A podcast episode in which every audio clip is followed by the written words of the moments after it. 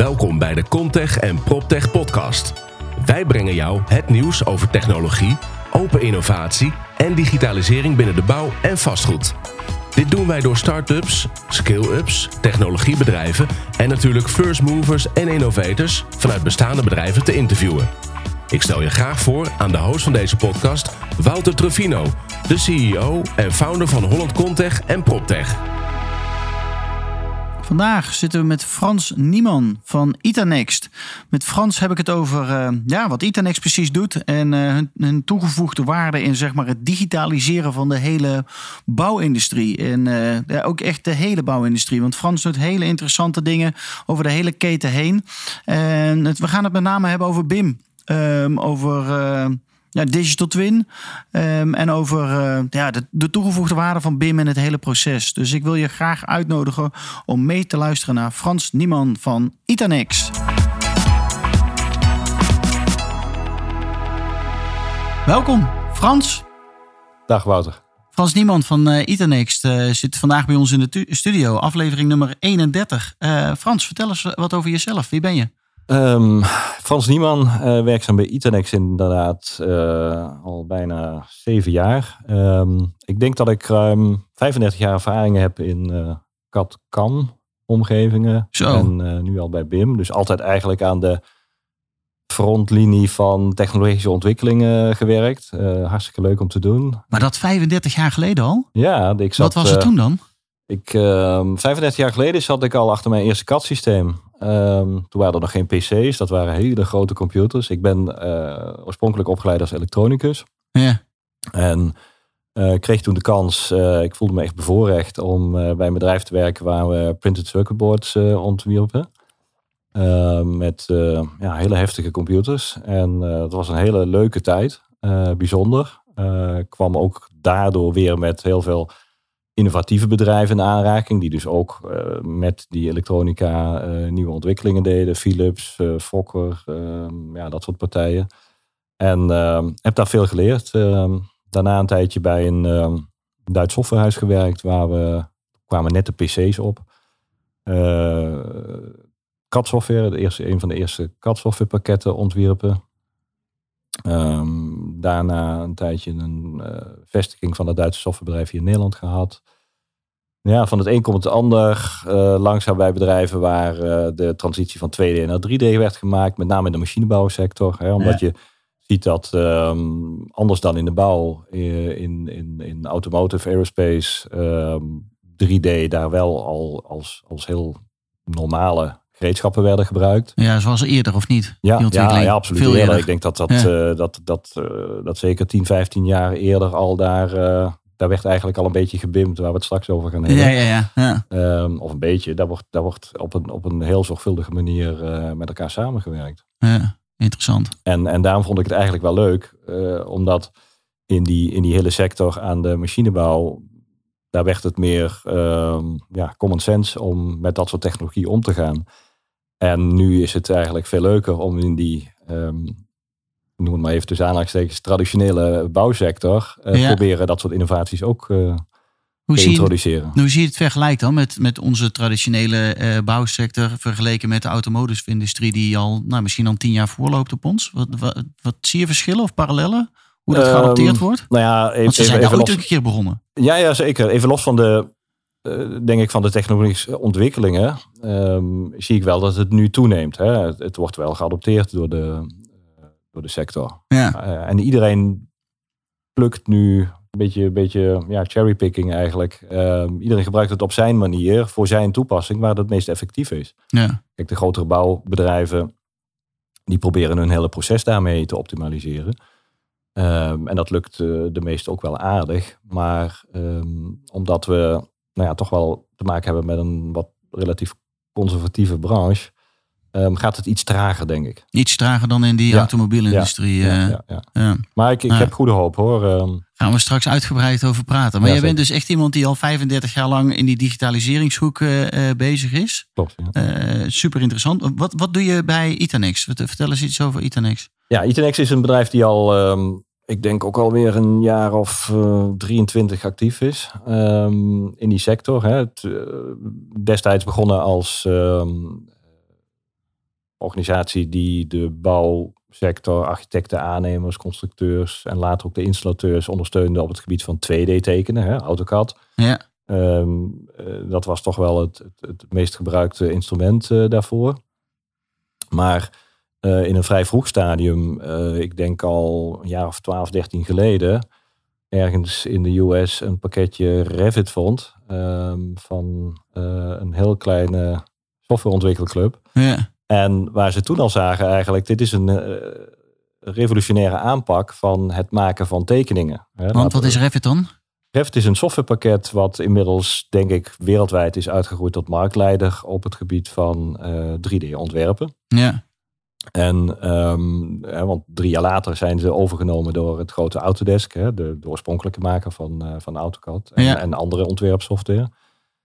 En ehm, hebben eigenlijk eh, als Itenex in die, in die eh, afgelopen twaalf jaar heel veel kennis op dat gebied opgebouwd in de toepassing van Revit. Hè. Hm. In het begin was dat nog vrij traag, maar nu zie je denk ik dat als je in Nederland kijkt, in de, in de, bouwsector, dat als het om BIM-projecten gaat, eh 70 tot 80 procent met, eh, met Revit werkt. Hm. Heeft ook een bepaalde reden. En ik denk dat dat, dat eh, het grote onderscheid is ten opzichte van andere pakketten.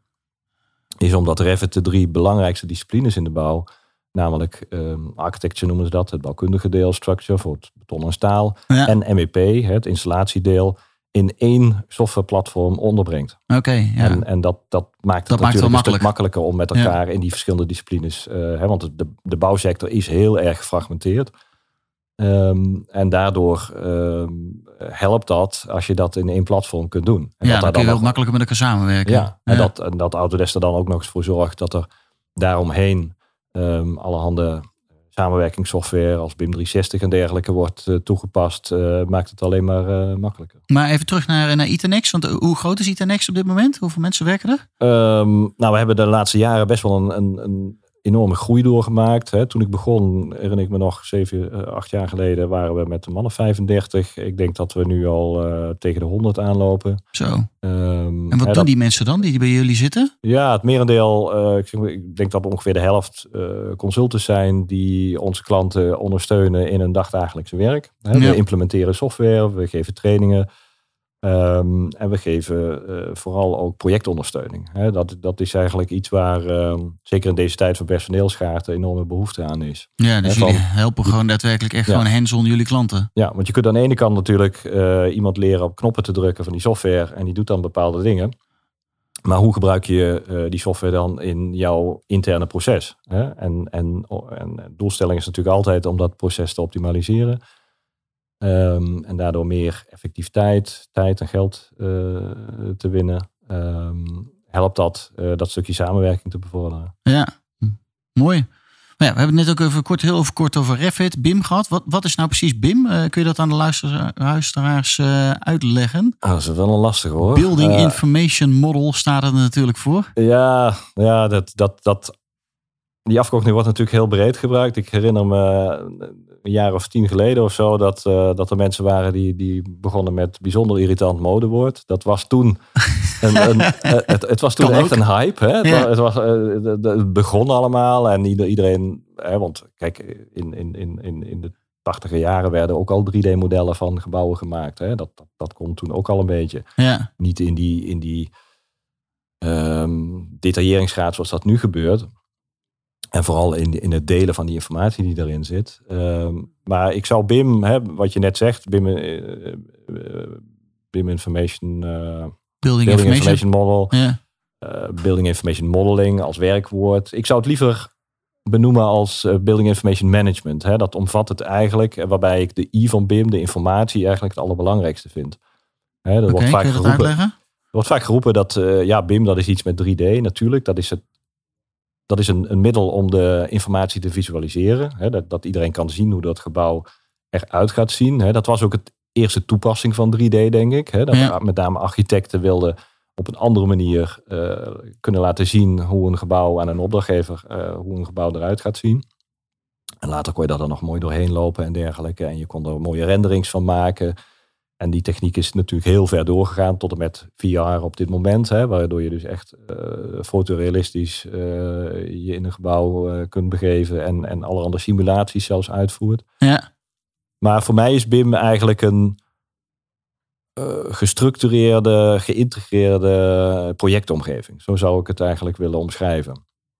En dat alle partijen die bij, de, bij het ontwerp het werk voorbereiden en realiseren.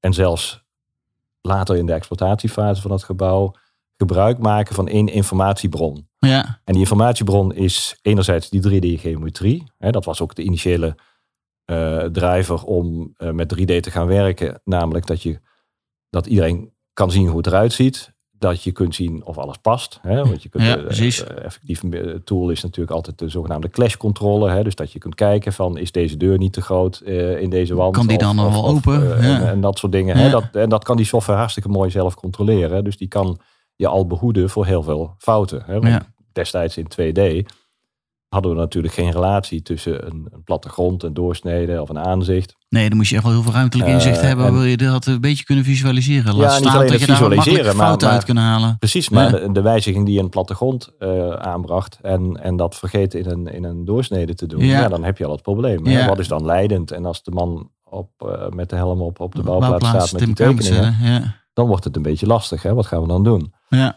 En dus je, je, je, je, je trekt eigenlijk de, de, de hele problematiek die op de bouwplaats ontstaat, trek je naar voren. Hè? In, de, in, de ontwerpfase mag je best fouten maken. Ja. Die, die software kan, uh, die kan die fouten voor je, of voor een deel kan die die fouten daaruit halen. Ja.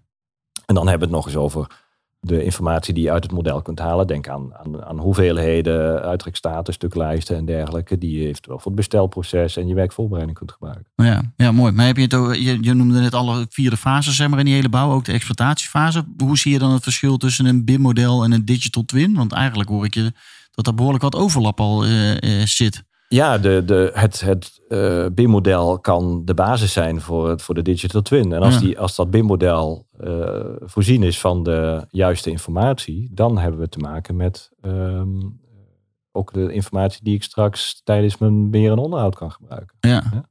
Dat kan voor de, op, op verschillende aspecten denk ik zelfs wel een rol spelen. Uh, denk aan het facility management, hè, dat wij spreken de schoonmaakdienst uh, heel makkelijk kan zien hoeveel vierkante meter uh, heb ik nodig om de glazen te wassen of de vloeren te stofzuigen ja. en, en, dat soort dingen te doen. Ja. Maar ik kan dat ook verder koppelen aan de informatie die ik heb over uh, het gebruik van het systeem. denken aan klimaatsystemen bijvoorbeeld. Hè? koeling, ventilatie, verwarming, um, gebouwbeheersystemen kunnen gebruik maken van de data die in het BIM-model opgeslagen staat. Ja. We zijn zelfs met, met uh, projecten ja. bezig waarbij we uh, door middel van augmented reality um, rechtstreeks data uit het GBS kunnen koppelen aan een onderhoudsmonteur die die bril op heeft. Ja, gaaf. En dan gewoon al ter plekke dus kan zien wat er gebeurt. Ja, en waar het misgaat en, en waar dan achter welk plafondpaneel een sensor of een, een, een, een afsluiter of iets dergelijks zit, zonder dat die heel veel tijd kwijt is om dat ding op te zoeken. Ja, en daar gaan we, maar eigenlijk gaan we dus in het hele proces van uh, ontwerpen tot en met ja. exploiteren, gaan we heel veel kosten besparen uiteindelijk. Ja. ja. Soms heb je dan wel te maken, en dat, dat, dat zie je nu langzaam ontstaan, dat vind ik wel mooi, dat daar discussies over staan. Hè. We hebben het dan vaak over die uh, bekende of beruchte LOD-niveaus, mm -hmm. uh, waarin de verschillende niveaus aangeven hoe um, niet alleen geometrisch, maar vooral informatief de data in het model is opgeslagen. En dat je vaak in die laatste fase, hè, LOD 500, uh, die, je behoort, die, die gebruikt voor beheer en onderhoud, soms een stapje terug moet doen. Hè. Bepaalde informatie die tijdens het ontwerp en de bouw belangrijk is, is in de exploitatiefase niet meer van belang. Nee, die zal er dus even weer uit moeten. Ja. Hè, het interesseert mij misschien niet of uh, hier in, de, in deze uh, betonnen kolom allerhande wapening is opgeslagen, opgenomen informatie die, die zou die kunnen verwijderen. nodig. Ja, precies. Ja. Ja. Mooi, interessant. Nou is die bouw natuurlijk ontzettend conservatief. Maar hoe ervaar jij hoe dit allemaal geadopteerd wordt, zeg maar? Want het is natuurlijk waanzinnig interessant om allerlei faalkosten te, te besparen. Om veel beter met elkaar te gaan samenwerken. Hoe zie je dat adaptatieniveau de laatste paar jaren nou, ik veranderen? Denk wel goed. Ik denk hier in Nederland zeker. Um, recente onderzoeken, of eigenlijk al, al een paar jaar eh, van eh, onder andere USP-marketing, die heel sterk in die bouwsector actief is. laat gewoon zien dat Nederland daarin voorop loopt. Zelfs Ja. nog verder dan de UK, waar men vaak van zegt die, dat die zo ver zijn. Ja. Eh, ik denk dat ieder eh, een beetje serieus gebouw hier in Nederland op dit moment in BIM ontworpen wordt. Ja, en hoe komt dat dat we zo daarin in, in bezig zijn? Wat, wat merk je dat wij anders zijn dan andere landen dan? Zijn we dan innovatiever, toch? Als, Ja. Ondanks dat we een beetje ik- conservatief zijn? Ja, ik wil niet meteen op de, op de clichés van de Hollanders en de ondernemingsgeest en Ja. ja. allemaal ingaan. Maar Ja, ehm, ik zie dus wel dat ehm, wij, wij proberen gewoon. Hè? En, en, en het is vaak try and error. En, maar we, gewoon laten we maar beginnen. Eh, en dan zien we wel waar, we, eh, waar het schip strandt. En, en, en dat eindigt dan, hè, waar we nu mee bezig zijn, dat er langzaam gestructureerde afspraken staan. Hè? Bijvoorbeeld als je naar, simpelweg naar het gebruik van Revit software kijkt. eh, hier in Nederland zijn wij de eerste ter wereld geweest die ehm, een, een heel gestructureerde eh, standaard hebben opgezet om ehm, eh, te definiëren hoe we in Revit eh, bepaalde zaken benoemen en Ja, eh, toepassen en gebruiken. En daar wordt met heel veel interesse vanuit het buitenland ook eh, naar gekeken. We hebben hier in Nederland met, met, ik geloof, de tien grootste bouwbedrijven destijds hebben de basis ILS. dus, dus hoe dragen we informatie over opgesteld. Daar zitten volgens mij ondertussen iets van 400 partijen hebben daaraan aangehaakt. Dus dat zijn fantastisch mooie ontwikkelingen. Ja, Daar- dan gaat het wel Daar denk ik dat, dat ze in het buitenland echt nog wat eh, van kunnen leren. ja. Ehm, en ja, de, de, de adaptatie aan de, aan de aannemerskant, aan de installateurskant, ehm, ja, die, die vind ik denk ik wel heel goed. Ja. En dan zou daarbij kunnen aansluiten dat de opdrachtgevers, als die zien dat ze het BIM-model ook kunnen gebruiken als die digital twin eh, tijdens de exploitatiefase. Eh, Voor hun beheer en onderhoud en, en eh, wat dan ook eh, toe te passen. Ja, dan wordt het heel interessant. Dus dat zou Ja, is dat de volgende stap of zijn we daar al? Dat opdrachtgevers er ook al op zo'n manier Ik- in ik denk- zitten? ik denk dat ze het nog te weinig doen. Ja. Want als je kijkt naar de, naar de, naar de kosten van, van, van, van alles bij elkaar opgeteld, dan, zijn de, dan zijn de initiële ontwerpkosten die zijn relatief klein. Dan heb je de bouwkosten, die zijn, ik geloof dat in een factor 40 of zoiets. Daar heb je van die mooie ja, tabelletjes voor. Ehm, maar de grootste pot met geld, die wordt opgemaakt na oplevering. na oplevering en maar die die, die, die exploitatiefase. 25, 30 jaar dat dat gebouw moet functioneren. ja, Dus de total cost of ownership, of, of je zou beter kunnen zeggen total cost of use, want het ligt er maar net aan wat je, wat je in dat gebouw doet, ja. is cruciaal voor die, voor die eigenaar. Ja, en daar heb je eigenlijk dat model voor nodig. En, en, en, en eh, die bandbreedte die hij dus daarin heeft, de, zeg maar die marge die hij heeft, waar hij zijn geld mee verdient of bespaart, is maar net hoe je het ziet, Ja, die wordt voor een groot gedeelte al bepaald in het ontwerp. ja, En dus dan ga je weer helemaal terug naar het Naar begin. het begin, ja. en, en, en daarom zeggen dus ondertussen wel veel opdrachtgevers van ik wil wel graag dat het een BIM-model wordt. Want dan heb ik daar straks iets aan. ja, En dat daardoor als een soort bijvangst eh, de, de, de overdracht, wat de initiële drijver voor BIM was, van ontwerp naar uitvoering, eh, naar, naar, het, eh, naar het bouwen, ook nog een stuk effectiever en efficiënter kan. Hè? En daardoor dus de, ja. de totale bouwkosten nog een stukje omlaag zouden kunnen. Is dan alleen maar mooi mee. Is alleen maar mooi meegenomen. Maar even terug naar jouw rol binnen Itanex. Wel- Welke markt benader jij?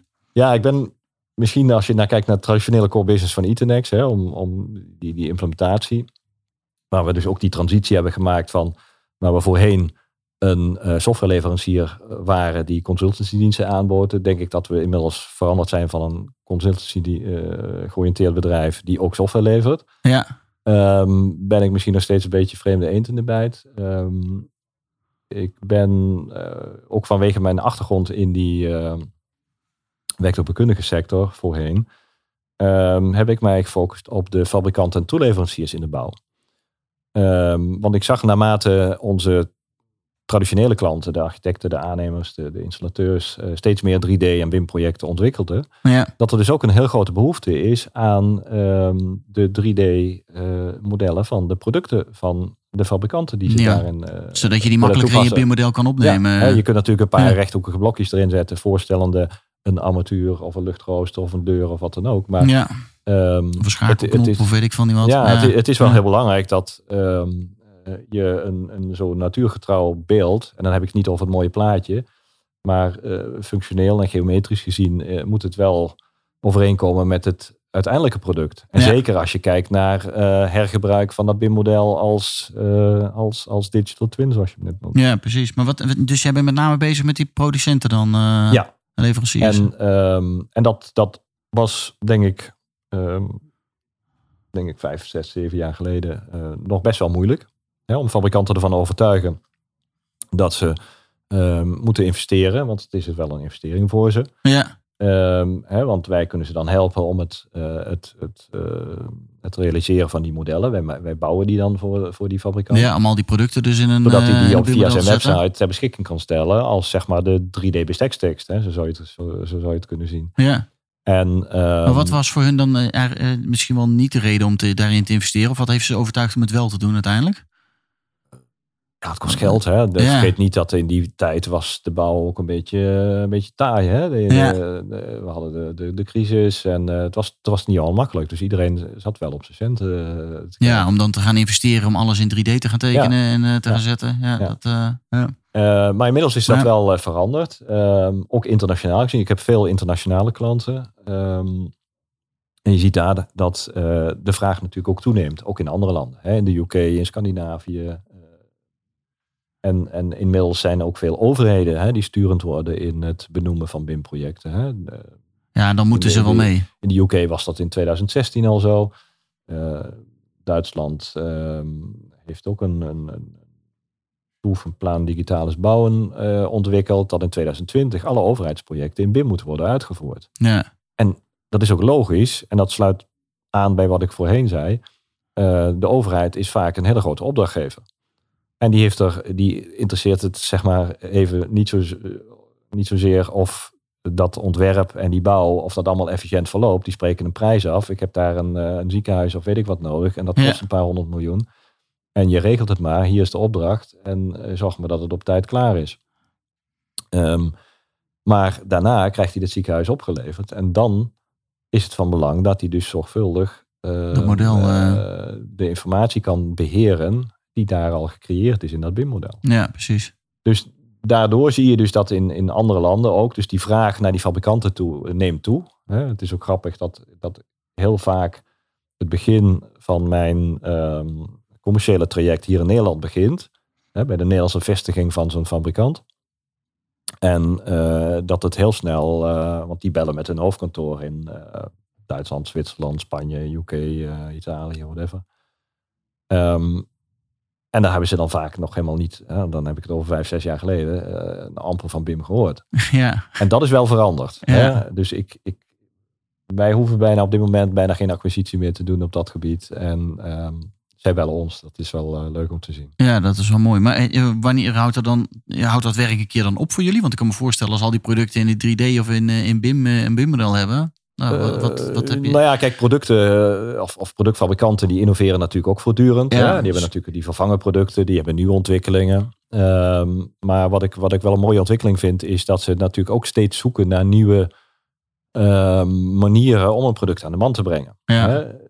Ze werken natuurlijk even gechargeerd al honderd jaar hetzelfde. Hè? Ja. Ze, hebben, ze maken producten die, die best wel eh, vaak van goede kwaliteit zijn en noem maar op. Ze hebben een website, ze hebben een catalogus, ze hebben een verkoper weg die rijdt, ehm, Ja, die rijdt eh, alles overal langs. En gaat koffie drinken en zegt van kijk, dit is ons eh, product X. En Ja. fantastisch.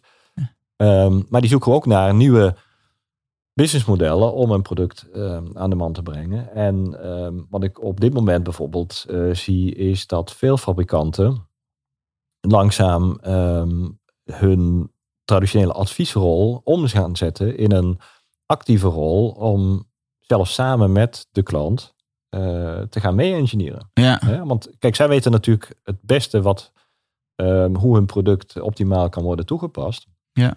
En ja, kunnen dus hoe daarmee... eerder zij in het project eigenlijk al betrokken zijn, hoe ja, beter tuurlijk, het is dat uiteindelijk. dat, eh. dat is een, een, een, eh, een effectieve manier om, eh, om je te verankeren in zo'n organisatie. ja.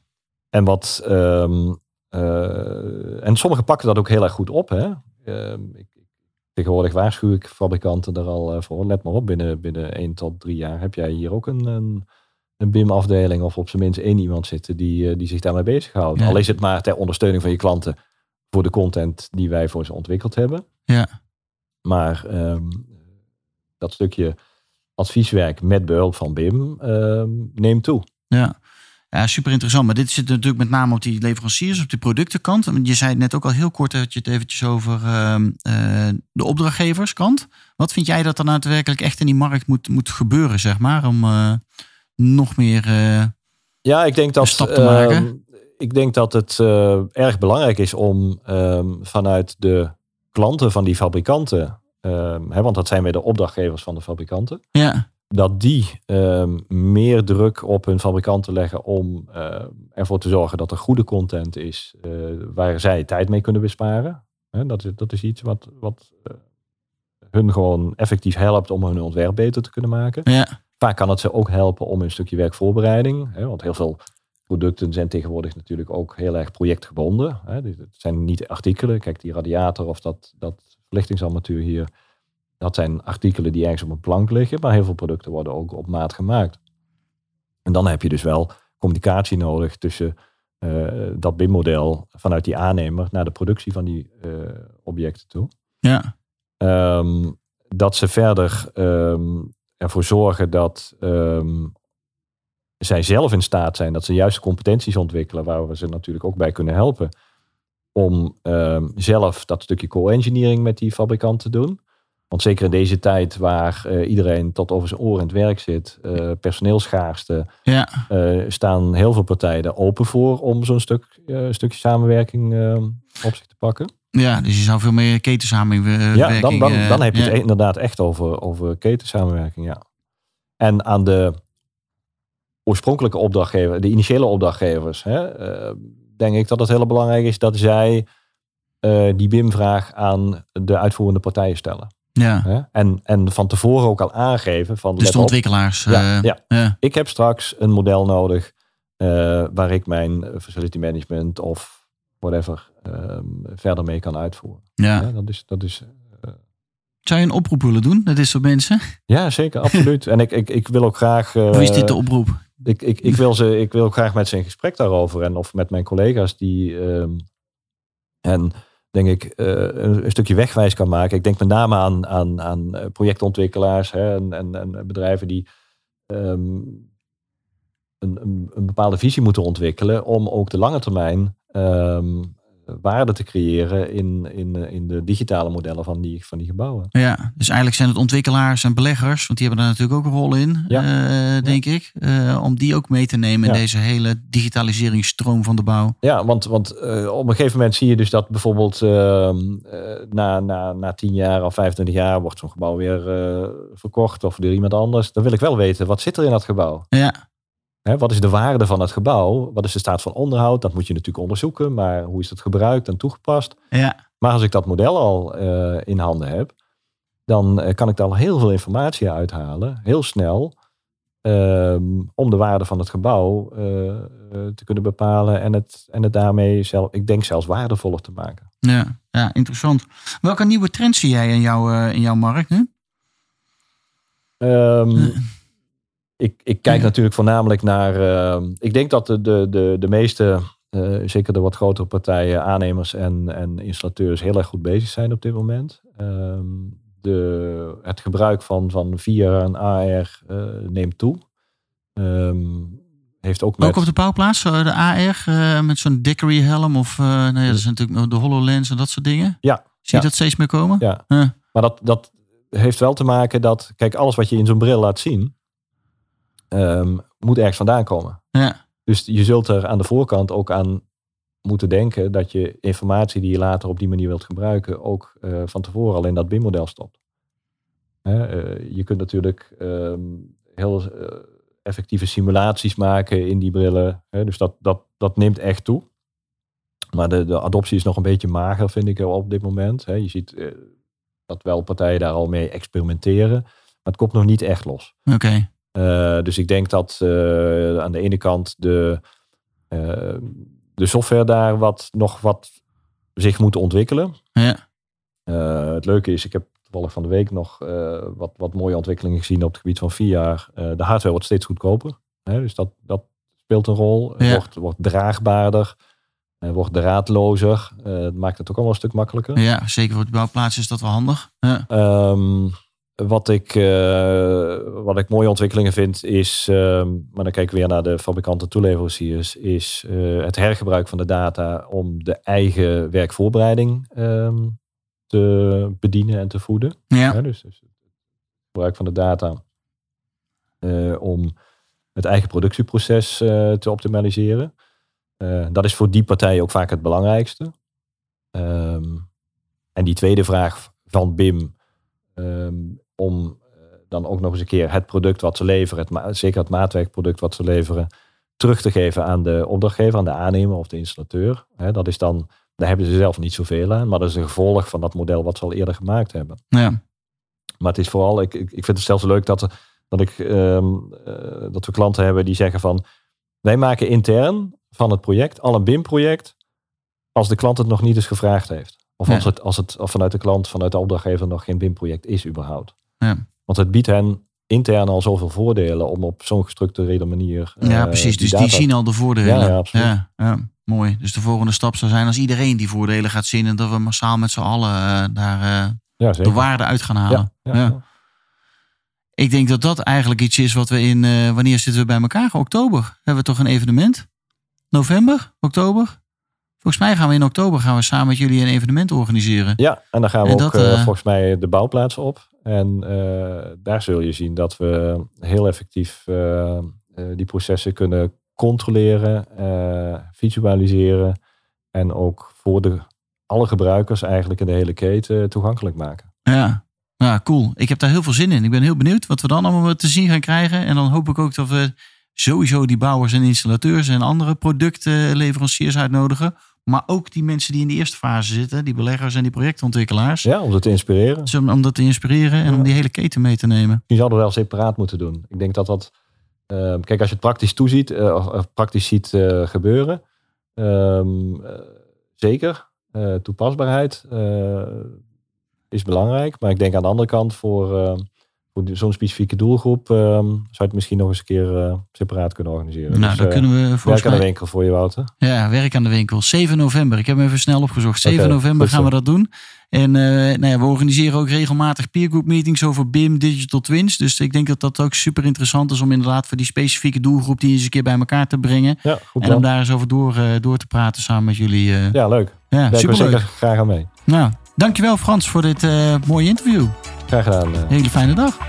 mooi. Dankjewel.